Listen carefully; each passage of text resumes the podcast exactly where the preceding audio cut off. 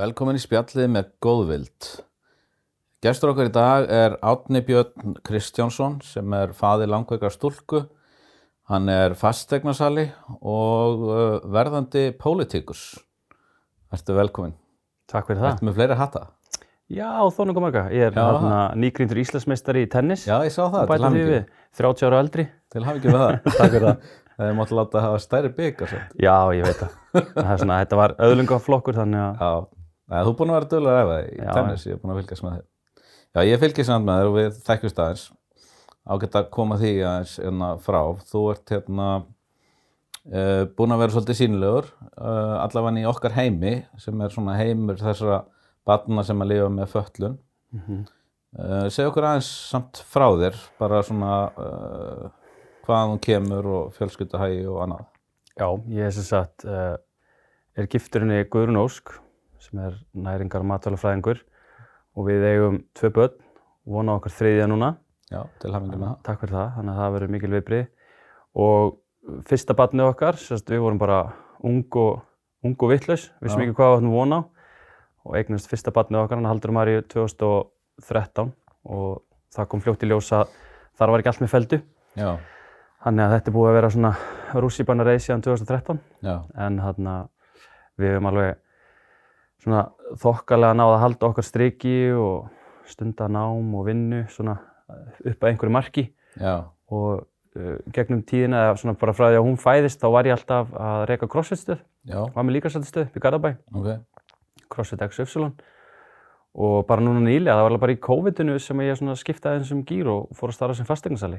Ok, En ég hafði lært lögfræði í háskólanum, setti þá pásu þegar við eignuðumst dóttur okkar. já, Þannig að uh, svo, já, hvað, átt ára setna þá held ég áfram í náminu og breytti alveg um starfsvettvang. já.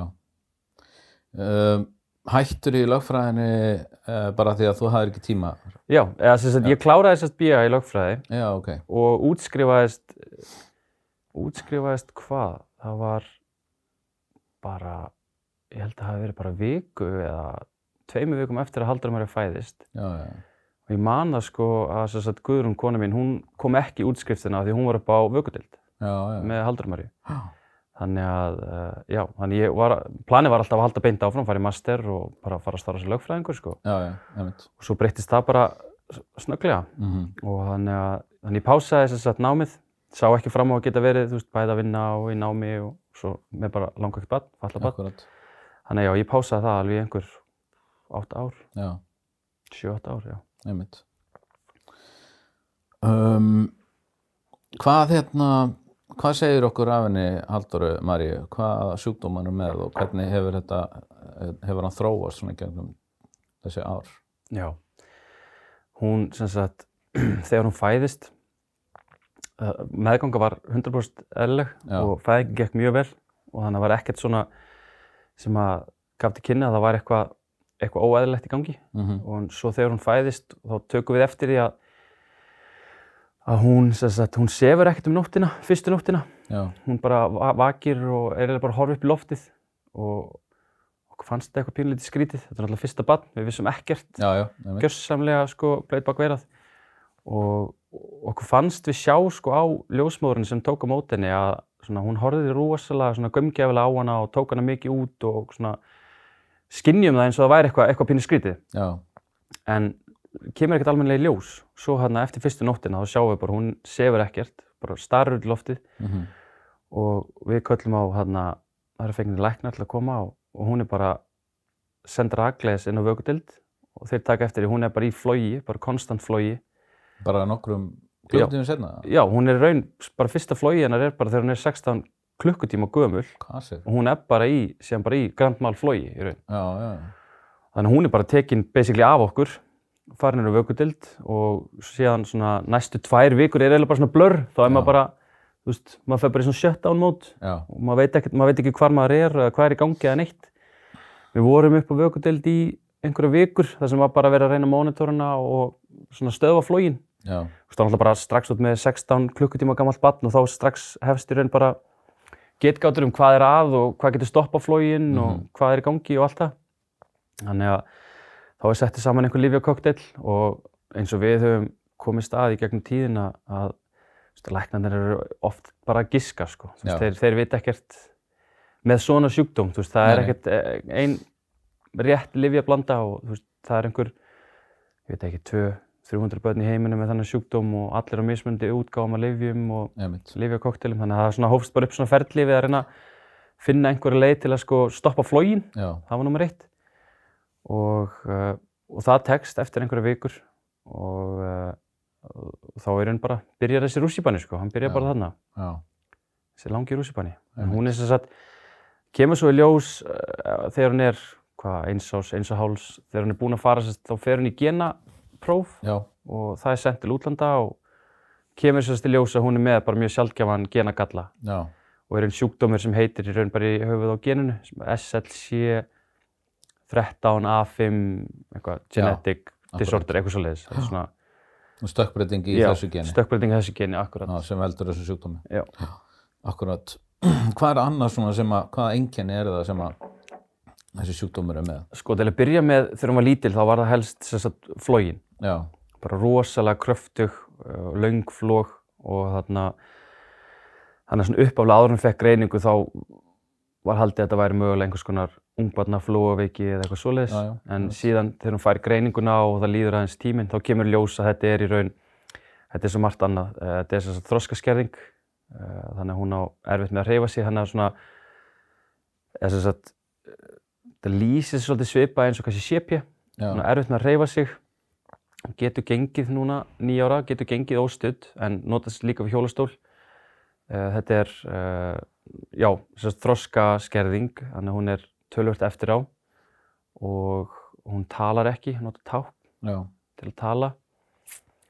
Þannig að þetta er alls konar, þetta er áhrif á tennurnar hennar, það er eitt- eitt einkenni hjá þessum börnum, mhm, eh, svona litlar tennur og bólkin gómur og þannig að það er bara margt í þessu sko. já, einmitt. Akkurat, þetta er svona sambland af alls konar Já. sem að koma út í þessu sjúkdómi. Mm Er eitthvað, er rannsóknir eitthvað, er eitthvað verið að skoða Já, hvað er, þetta er að gera, Já. gena rannsóknir? það eru genaransóknir og þau eru alveg á fullu út í bandaríkjunum og það Já. er sem sagt búið að stopna, það er sem sagt svona, ég veit ekki hvað maður kallar þetta, samtök, Já, það heitir TESS Research Foundation já, og uh, það eru í raun samtök, þetta er svona fóldrasamtök. í, nei, þetta er sko, þetta er sagt skýrt í höfuðið á fyrstu stelpunni sem fekk greininguna sem það heitir TESS. Já, og þetta er í raun þetta er í raun sem sagt samtök sem eru stopnuð í raun af foreldrum hennar og er svona samstagsverkefni með eh, spítala þarna út í bandaríkjunum. Já, og þetta er í raun bara svona rannsóknarverkefni. Já, þau eru alveg á fullu í rannsóknum. Já, uh, ég heldur séu að gera rannsóknir á músum og fleira já, þannig að þau eru, þau eru rosa virk og rosa flott teimi þar á baku við höfum farið viðtöl við sko lækna sem hafa verið að vinna með þessu teimi lækna frá bara virtustu sjúkrahúsum í bandaríkjunum sko. já, þannig að það er flott vinna þar í gangi og, og alltaf verið að reyna sko. einmitt, akkurat. Það er hljóma vel. Það er svona, það er búið að vera ótrúlegar hérna, framfærir í, í gena meðferðum mm og, og það er svona vonin uh, hjá svona flestum sem er með svona sjálfgefa sjúkdóma um að það muni hefnast og, og það verður bara hægt treinlega skipta út geninu eða bæta við geni eða taka út gen eftir hvað það er sem það er að. Já. og hérna, ég, það verður á endanum, það er bara spurning sko, hvað verða stelpunar okkur orðna gamlar þegar það gerist sko. ég, maður sko maður er orðin ágætlega sjóaður í væntingastjórnun. Já, akkurat. Þegar maður er á langvægt ball. Já, maður heldur að- að maður getur segrað þetta á þreymur árum og svo Já. líða 16 Já, þannig að maður er auðvitað, þú veist, ég, ég er bara þannig gerður að ég, ég vona alltaf það besta, en er alltaf tilbúin að gera ráð fyrir það versta. Já, Þannig að akkurat auðvitað bara vona maður það besta. Já. Eh, Er hún í skóla? Já, hún er í Klettaskóla, Já, hún er í þriðja bekk í Klettaskóla. hvernig gengur? Ná, Það gengur bara, Já. þú veist, þegar hún er að mæta í skólan, sko. Þannig líður ágætlega. já, Þetta er náttúrulega bara, sko, þetta er ógeðslega erfitt. Þetta er raun eini skólinn sem kemur til greina fyrir hana. já, já, Þannig að við reyndum að hafa hana í hverfa skólanum sínum já, tvo daga, þrjá daga í klættiskóla svona gekk allt í læg það var svona smá, það var svona pröfu pröfu starf og, uh, hún fílaði mjög mikið að fá að vera bara með jafnöldri sínum, eða hún var hvort hann hafi verið einu bekk á eftir, einar yngri. Og, og hún fílaði rosa mikið því. Hún er rosa mikið félagsvera. Já, einmitt. og henni fannst gaman að vera með krökkum sem voru bara virk og tilbúin að leika sér og allt svo leiðis en þarna en það svona gekk þá og hefði kannski mögulega gengið eitt ár í viðbútt en svo erum bara komin á þann stað að heilbriðir jafnaldrar voru kannski ekki alveg svona hennar, Nei, nei, hennar félagar eh, þannig að Já. og. Já, þannig að hún er í klettskóla og líður bara vel þar Já, og það er náttúrulega bara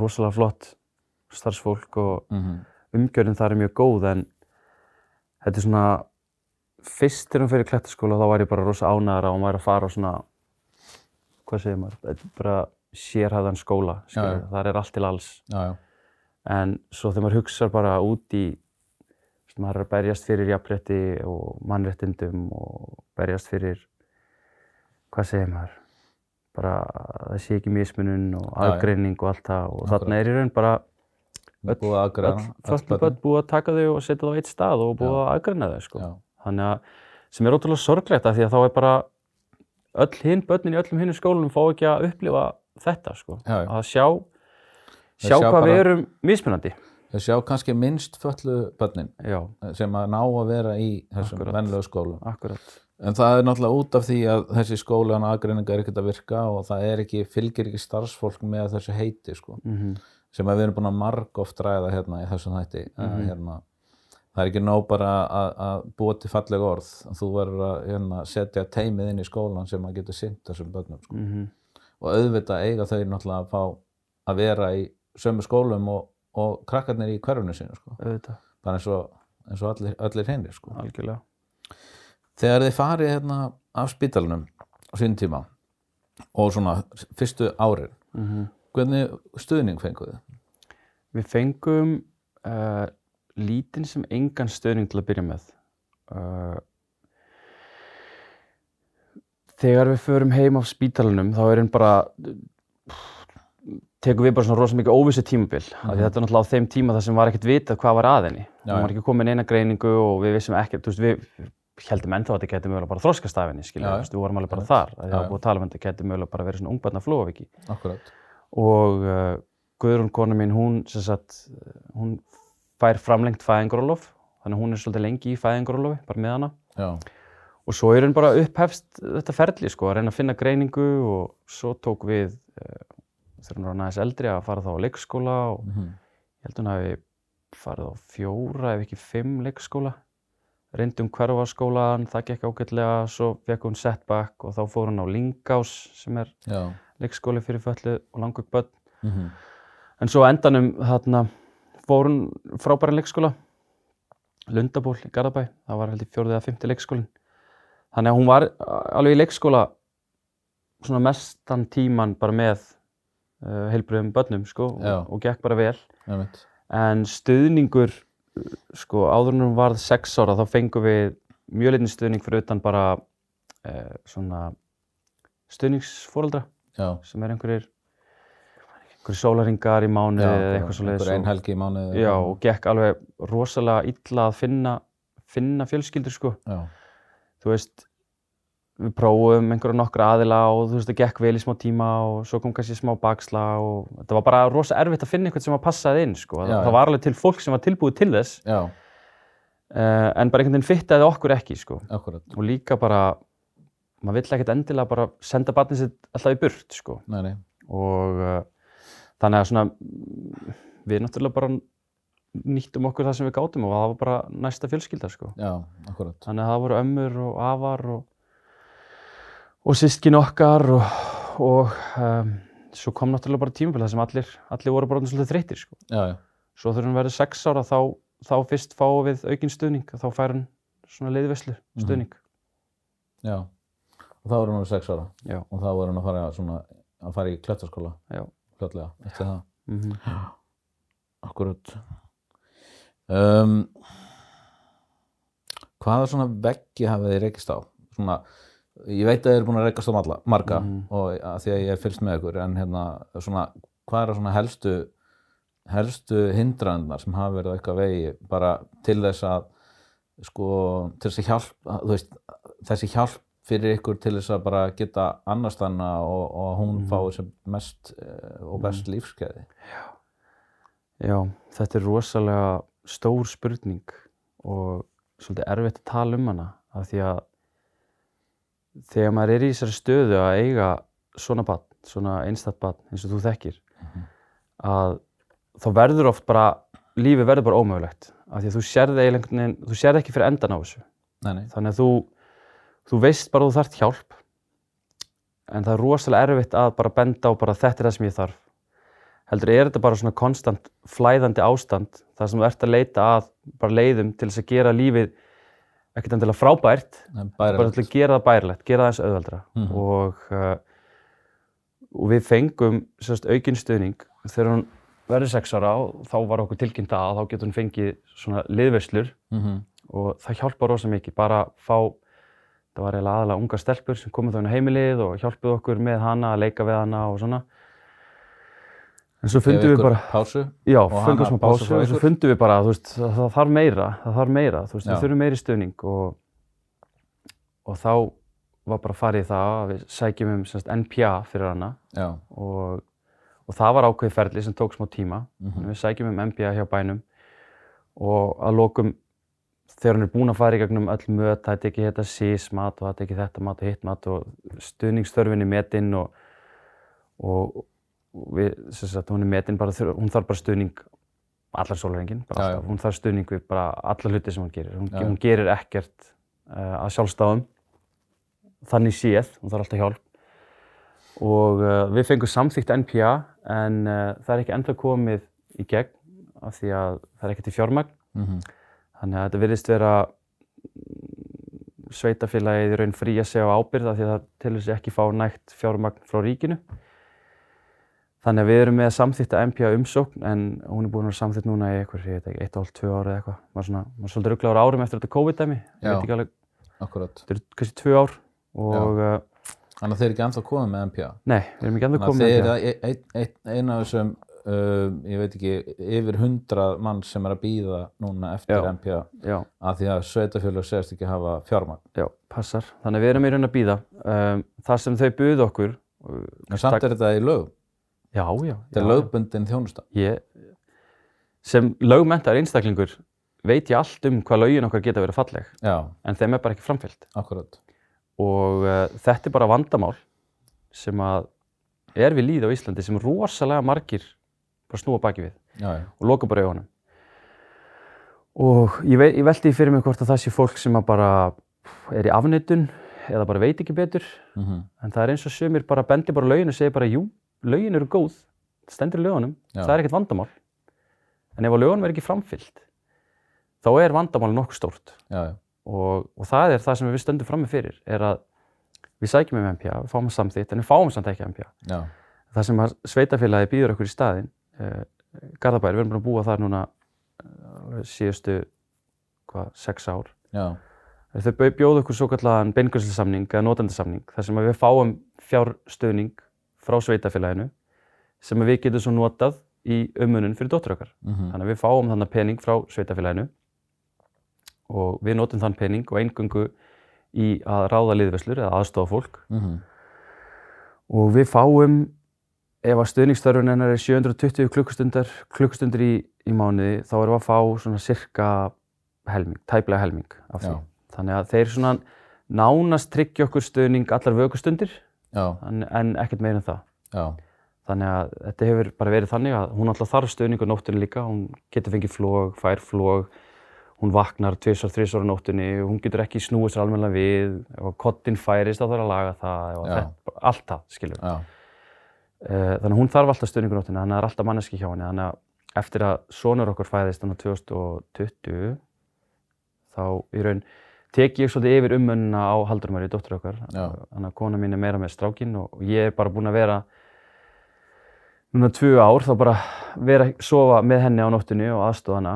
um, en það er eins og hjá sumum þá telja þær sem svo að bara þegar barnið þitt er sopnað þá er bara já, stuðningurinn búinn, Akkúrat. og, það er ekki lengur stuðning, það er ekki alveg þannig og uh, þetta er bara þrjusu verk já. að gera og eitthvað sem kona mín gerði nánast alfarið áður en að sonur okkar fæðist.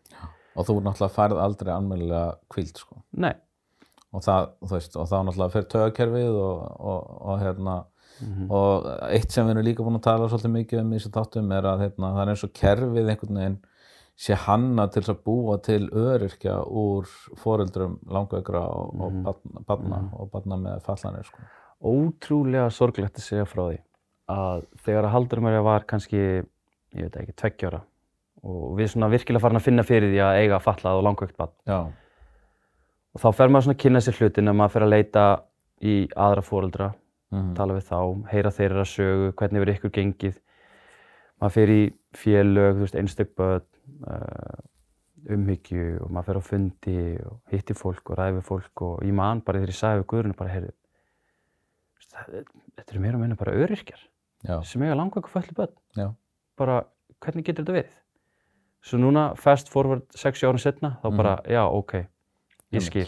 já, Bara, þú veist, nú er ég nýjára barn og ég hugsa til þín sem átt, hvað, 18 ára, 16 ára. 16 ára, fyrir ekki, 16 ára, þannig að þú hefur þarna, hvað, 8 ára á mig eða eitthvað. Að, ég var rosalega erfitt með að horfa 8 ár fram í tíman og hugsa hvar ég verð þá. Já, já, Þú veist, það er rosa auðvelt að sjá sig, einmitt bara fyrir sér, bara orðin örki, bara hreinlega ekki geta tekist á við lífið. já. Og hvers konar, þú veist, hva, hvað skilabóð eru að gefa ef að, ef að það er bara stimpil bara, þú eignaðist langvægt falla bann, já, þú ert bara já. Lífið þitt er eiginlega búið, Já, þú veist, þú kemst ekki neitt, þú, Nei. þú ferð ekkert í, hérna, eitthvað frí eða það var rosalega erfitt. það er mjög erfitt, sko. Já, Þannig að, hérna, veist, það leið, hérna, það leið tíu ár á milli þess sem við fórum í frí með sunnu, í, þá meina ég, þú veist, eh, til útlanda Mm og hérna og þá fórum við í tíu daga til Danmarkur og fimm Mm. daga af þeim var hann í kostum og, og við vorum bara basically að- að að fyrstu fimm dagana að reyna þú veist, annars hana og, og hérna Akkurat. komin úr hættu þannig að hún þurfti ekki að fara inn á spítala að núti sko. Mm þannig að við fengum fimm svona þokkalega akkurat. Eh, en hérna allt í sambandi við svona er bara svo rosalega flókið þú, að, Mhm. þú þarft að preppa allt saman sko, þú veist, á flugvellinum og út í flugvellina og þú þarft að preppa fólkið í vélinni og krúið og, og svo á flugvellinu sem mætir og þetta er bara, þetta er svona það er svo mikið af svona hlutum sem fólk gerir sér enga grein fyrir sem að það gerir bara og bara þetta er svo sjálfsagt Mm að fara í frí með fjölskylduna sína -hmm. en svo eru svona fjölskyldur sem að bara, það er bara ekki sjans sko Nei.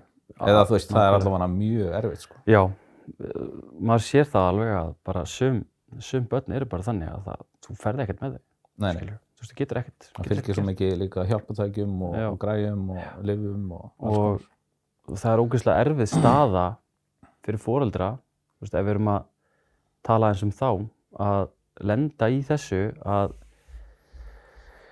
að eignast svona barn, hvað sko allt svona, hvað segir maður, svona bara viðþorð þitt til lífsins breytist í raun. já, já, Að bara allt sem að þú, allir þínir draumar og væntingar og allt, þetta er náttúrulega, það breytist allt. já, já, Þannig að þú þarft svolítið að bara læra rosa mikið upp á nýtt sko. Mhm. og eins og ég sagði við þig fyrir spjallið að þá var ég orðin rosalega góður í væntingastjórnun sem er bara eitthvað sem maður þarf að gera því að við vitum alveg að við höfum ekki möguleikun á að gera bara hvað sem er. Já, já, veist, en við fengum eitt besta ráð sem við fengum stutt eftir að dóttur okkar fæðist að var frá Sigfúsi presti, já, nei Vigfúsi Vigfús, Vigfúsi presti, já, þá var hann prestur á barnspítalunum já, og hann sagði við okkur og þetta er búið að setja rosalega í okkur og við tókum þetta með okkur, hann sagði reyniði eftir fremsta megni að lifa eins eðlu lífu þau getið. Mhm, bara leggja ykkur fram með það. Og við tókum þetta með okkur og, og höfum reynd að gera það. Og þetta var þannig á tímabili að ég var mikið í hérna, ég var að keppi crossfit og að reyka líkastöldastöð Guðrún var í handbolta þannig að hún var í skóla og handbolta og hún var landsliðsmarkmaður í handbolta og, og Haldur Marja var kannski í flóarhinu og hún var upp á spítala og ég var að klára einhver æfingu eða keppni og þannig að ég brunn upp á spítala og leysi Guðrún af og Guðrún brunnur á æfingu og þú veist, við reyndum Já, já. þú veist, bara eins og við gátum sko, að halda áfram. já, já, Það var erfitt, já, en já. það gaf okkur svo mikið að svona, að halda lífinu aðeins áfram í Já. einhvers konar rútínu Já, það er bara nöðsulegt að gera það en svo Mhm. auðvitað bara breytist hlutinir og, og svo verður maður eiginlega, þú veist, það, þetta er ekki allt sko, svartnætti, sko, maður þarf bara svona, þú veist, eh, að aðlaga sig að breytum aðstæðum og Mhm. gera svo best úr þeim sem maður getur og, og bara einhvern veginn að snúa lífinu sinni svolítið við og, og reyna, reyna að finna jákvæði punktana í þessu og, og, Algjörlega. og, og keira svolítið á þá, sko. mm Um, uh, nú ertu í frambúði. já, Já, Passar. förum í pólitíkusina þess. já, endilega. Nú ertu hérna, það eru sveitastjórnarkostingar bara núna næstunni. Mm Þessi þáttu kemur út þarna akkurat bara viku fyrir eða eitthvað. -hmm. Uh, hvernig kom það til að þú ákvast að fara pólitíkina? Er að keira þessi mál áfram með það? Já, þetta er sko, fyrir nokkrum ára síðan þá hefði mér aldrei dottið í hug að fara út í pólitík og, og það var aldrei á stefniskráni.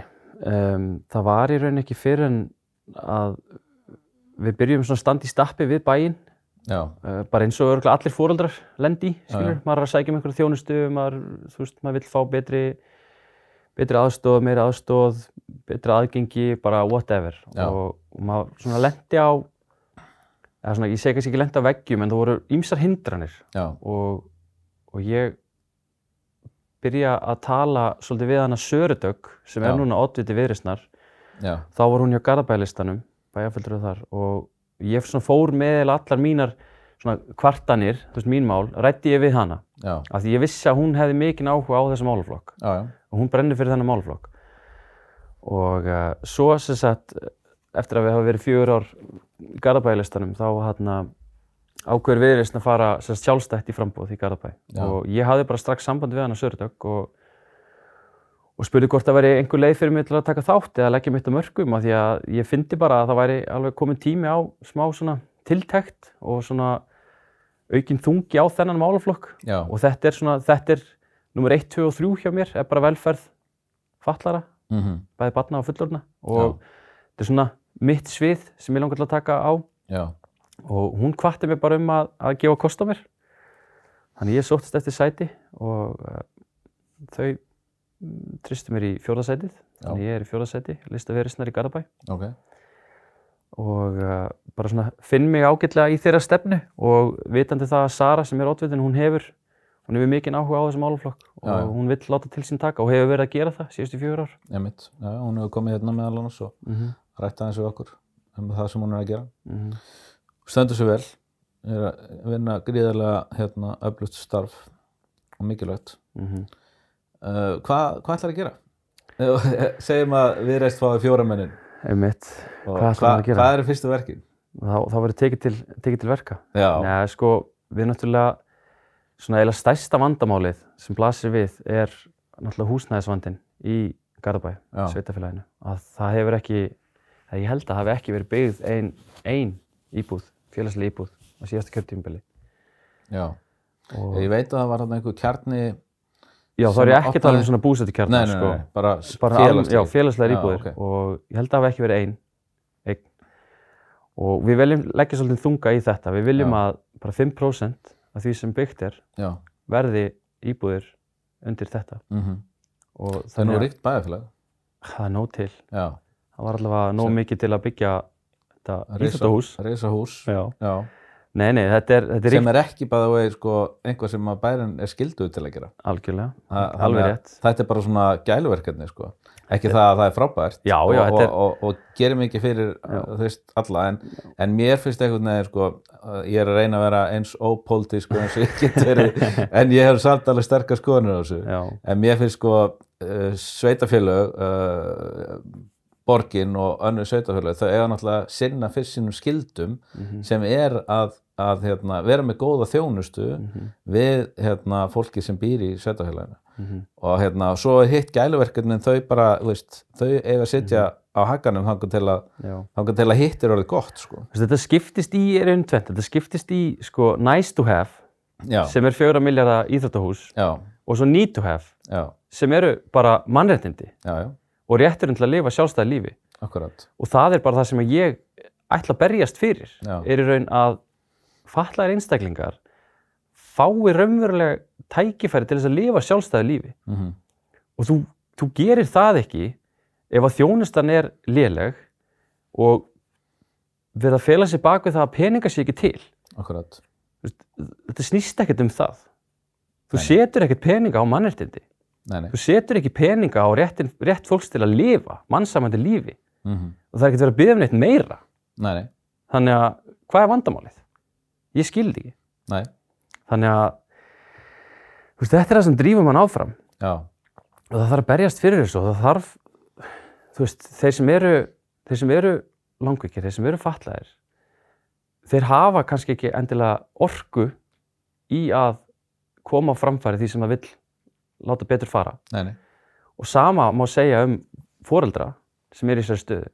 Þú veist, þeir hafa ekki orku í að berjast. Nei, nei, maður sér það nú vel á, á öllum þessum, já, þú veist, það eru þarna einhverjir, eh, einhverjir hópar eh, sem sagt foreldra í, sem eiga svona börn og maður sér það bara þau að það er engin orka þarna til, sko, það er allt búið. Algjörlega, batteríun er allstar tóm, sko. Já, þannig að hérna, það er svona einstaka fólk eins og, eins og þú sem á ennþá eitthvað til já það er eitthvað, eitthvað smá, smá inni. Það er hérna, eins gott að nýta það í að hérna, reyna að breyta.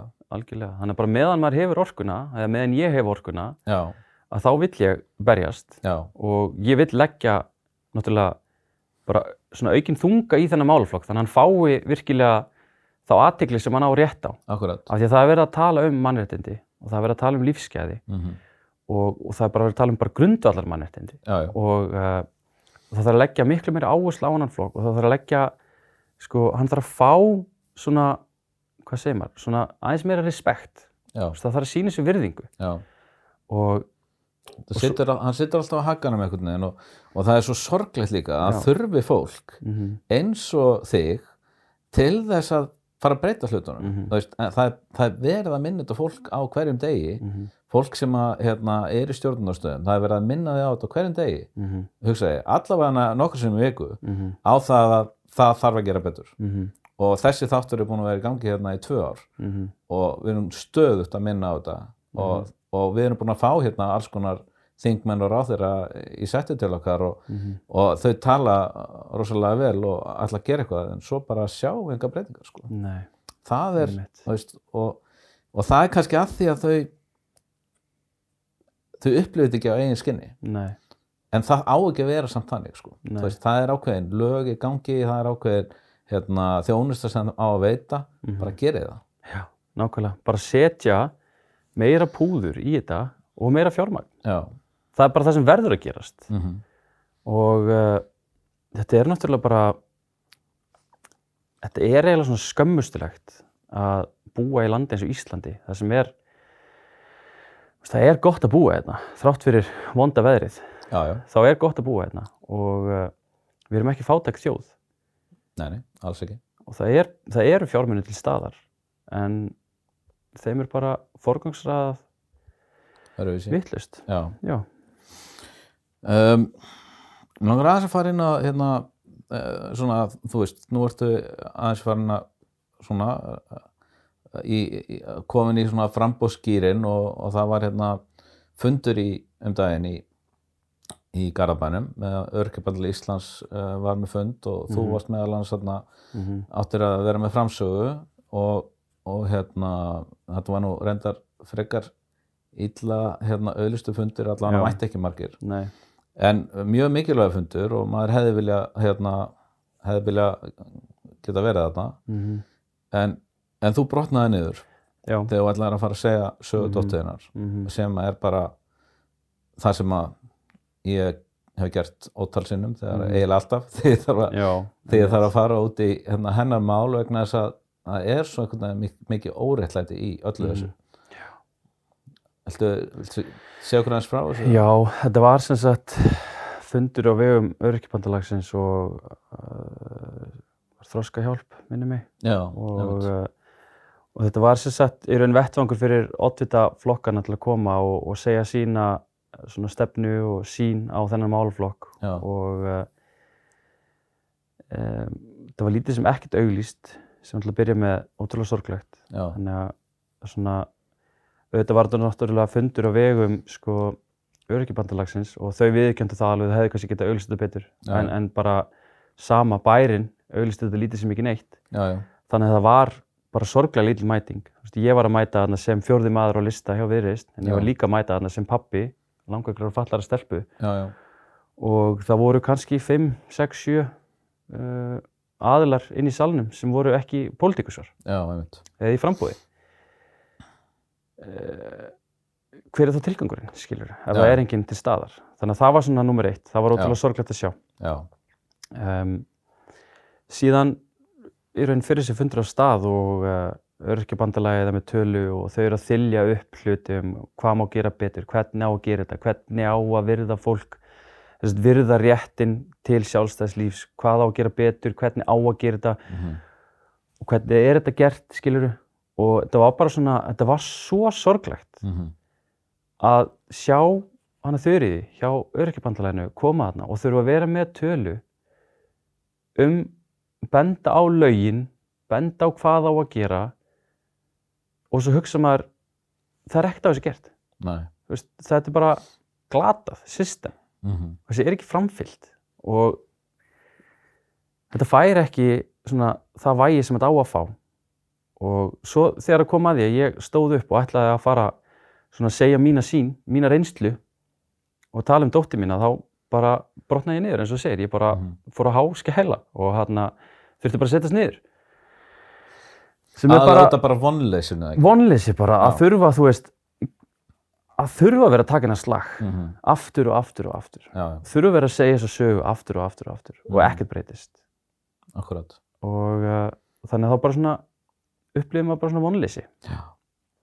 En maður er í þessu til þess að breyta hluti já, maður er í þessu til að láta í sér heyra. Algjörlega og það er sko, veist, eh, ég er búin að vera aðeins lengur í þessu heldur en þú og ég sé alveg að allavega er umræðan farin að stað Mhm. og maður sér miklu meiri umræða núna í, sko, ég bara frá því að við byrjum þessa þætti hérna, þá sér maður einhvern veginn að fólk er að byrja að opna sér meira og það er svona meiri umræða, það er meiri svona þungi að fara af stað mm uh, til þess að sko velta þessu hlutum og, og, og á endanum sko verður þungin orðin það mikill að það þarf að fara að gera eitthvað sko. -hmm.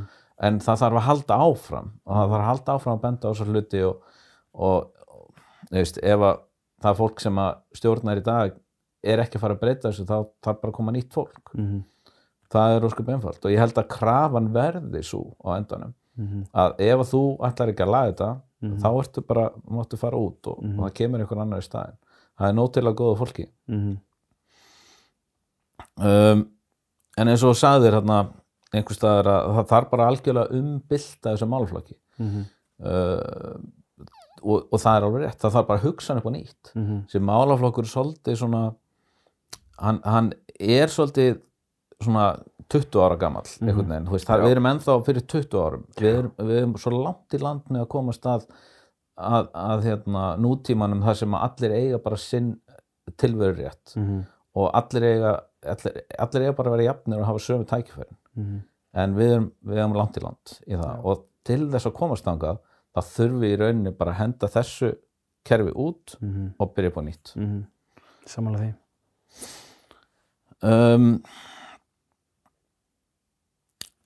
Já eitthvað svona, hvernig sérðu fyrir þér svona framtíðina varandi bæði bara Haldur Maríu og, Mhm. og svo bara framtíðina þú veist, Mhm. fyrir uh, föllu eða, eða fólk bara með fatlanir á Íslandi mm -hmm. Sérðu einhverja vonaðna? Já, auðvitað, það þýðir ekki annað en að halda í vonina og þarna vonin er svo sterk vonin um vonin um að það séu betri tímar framöndan gefur manni rosalega mikið Mm og heldur mann alltaf gangandi. Og ég er náttúrulega vona bara fyrst og fremst að þessi réttindi og réttur fallara fallara barna og bara allra fallara að, að þessi réttur verði settur á hærri stall. Og ég vona að fólk geti fæðist inn í hennan heim með föllun en samt fengið að lifa góðu lífi. Og, uh, og til þess þá einmitt eins og þú segir það þarf svolítið umbylting á kerfinu. Mhm. og uh, það þarf að segja frá þessu. Og þetta er ekkert tabú. Það var það örgulega fyrir uh, 50 árum, 60 árum. Þú veist það sem bara fallari voru bara sendir burt skilur já, já. það er ekki þannig lengur. það er ekki þannig lengur. Það, þessi aðgreining á ekki að vera. Af hverju er verið að af hverju er verið að setja öll föllu börn í eitt skóla skilur Mhm. af hverju er verið að byggja búsetukjarna það sem allir er sett, þú veist, sambíli og allt þetta Já, já. bara fólk á að eiga val um hvað það gerir, hvað það býr í hvað skóla það fer Mhm. bara allt þetta og varandi haldur Marju, það er rosalega erfitt að sko, sjá framtíðina fyrir sér af því að bara með hennar sjúkdóm að þá bara vitum við ekkert hvað framtíðin byrja skauti við, við vitum ekki hvort hún muni einhvern tímann byrja að tala tala meira. Við vitum ekki hvort hún muni geta labbað alveg óstutt og allt svo þannig að framtíðin er rosalega svona óljós fyrir Mhm. okkur. En við Já. náttúrulega erum bara samt alltaf vongóð. Já, já. og uh,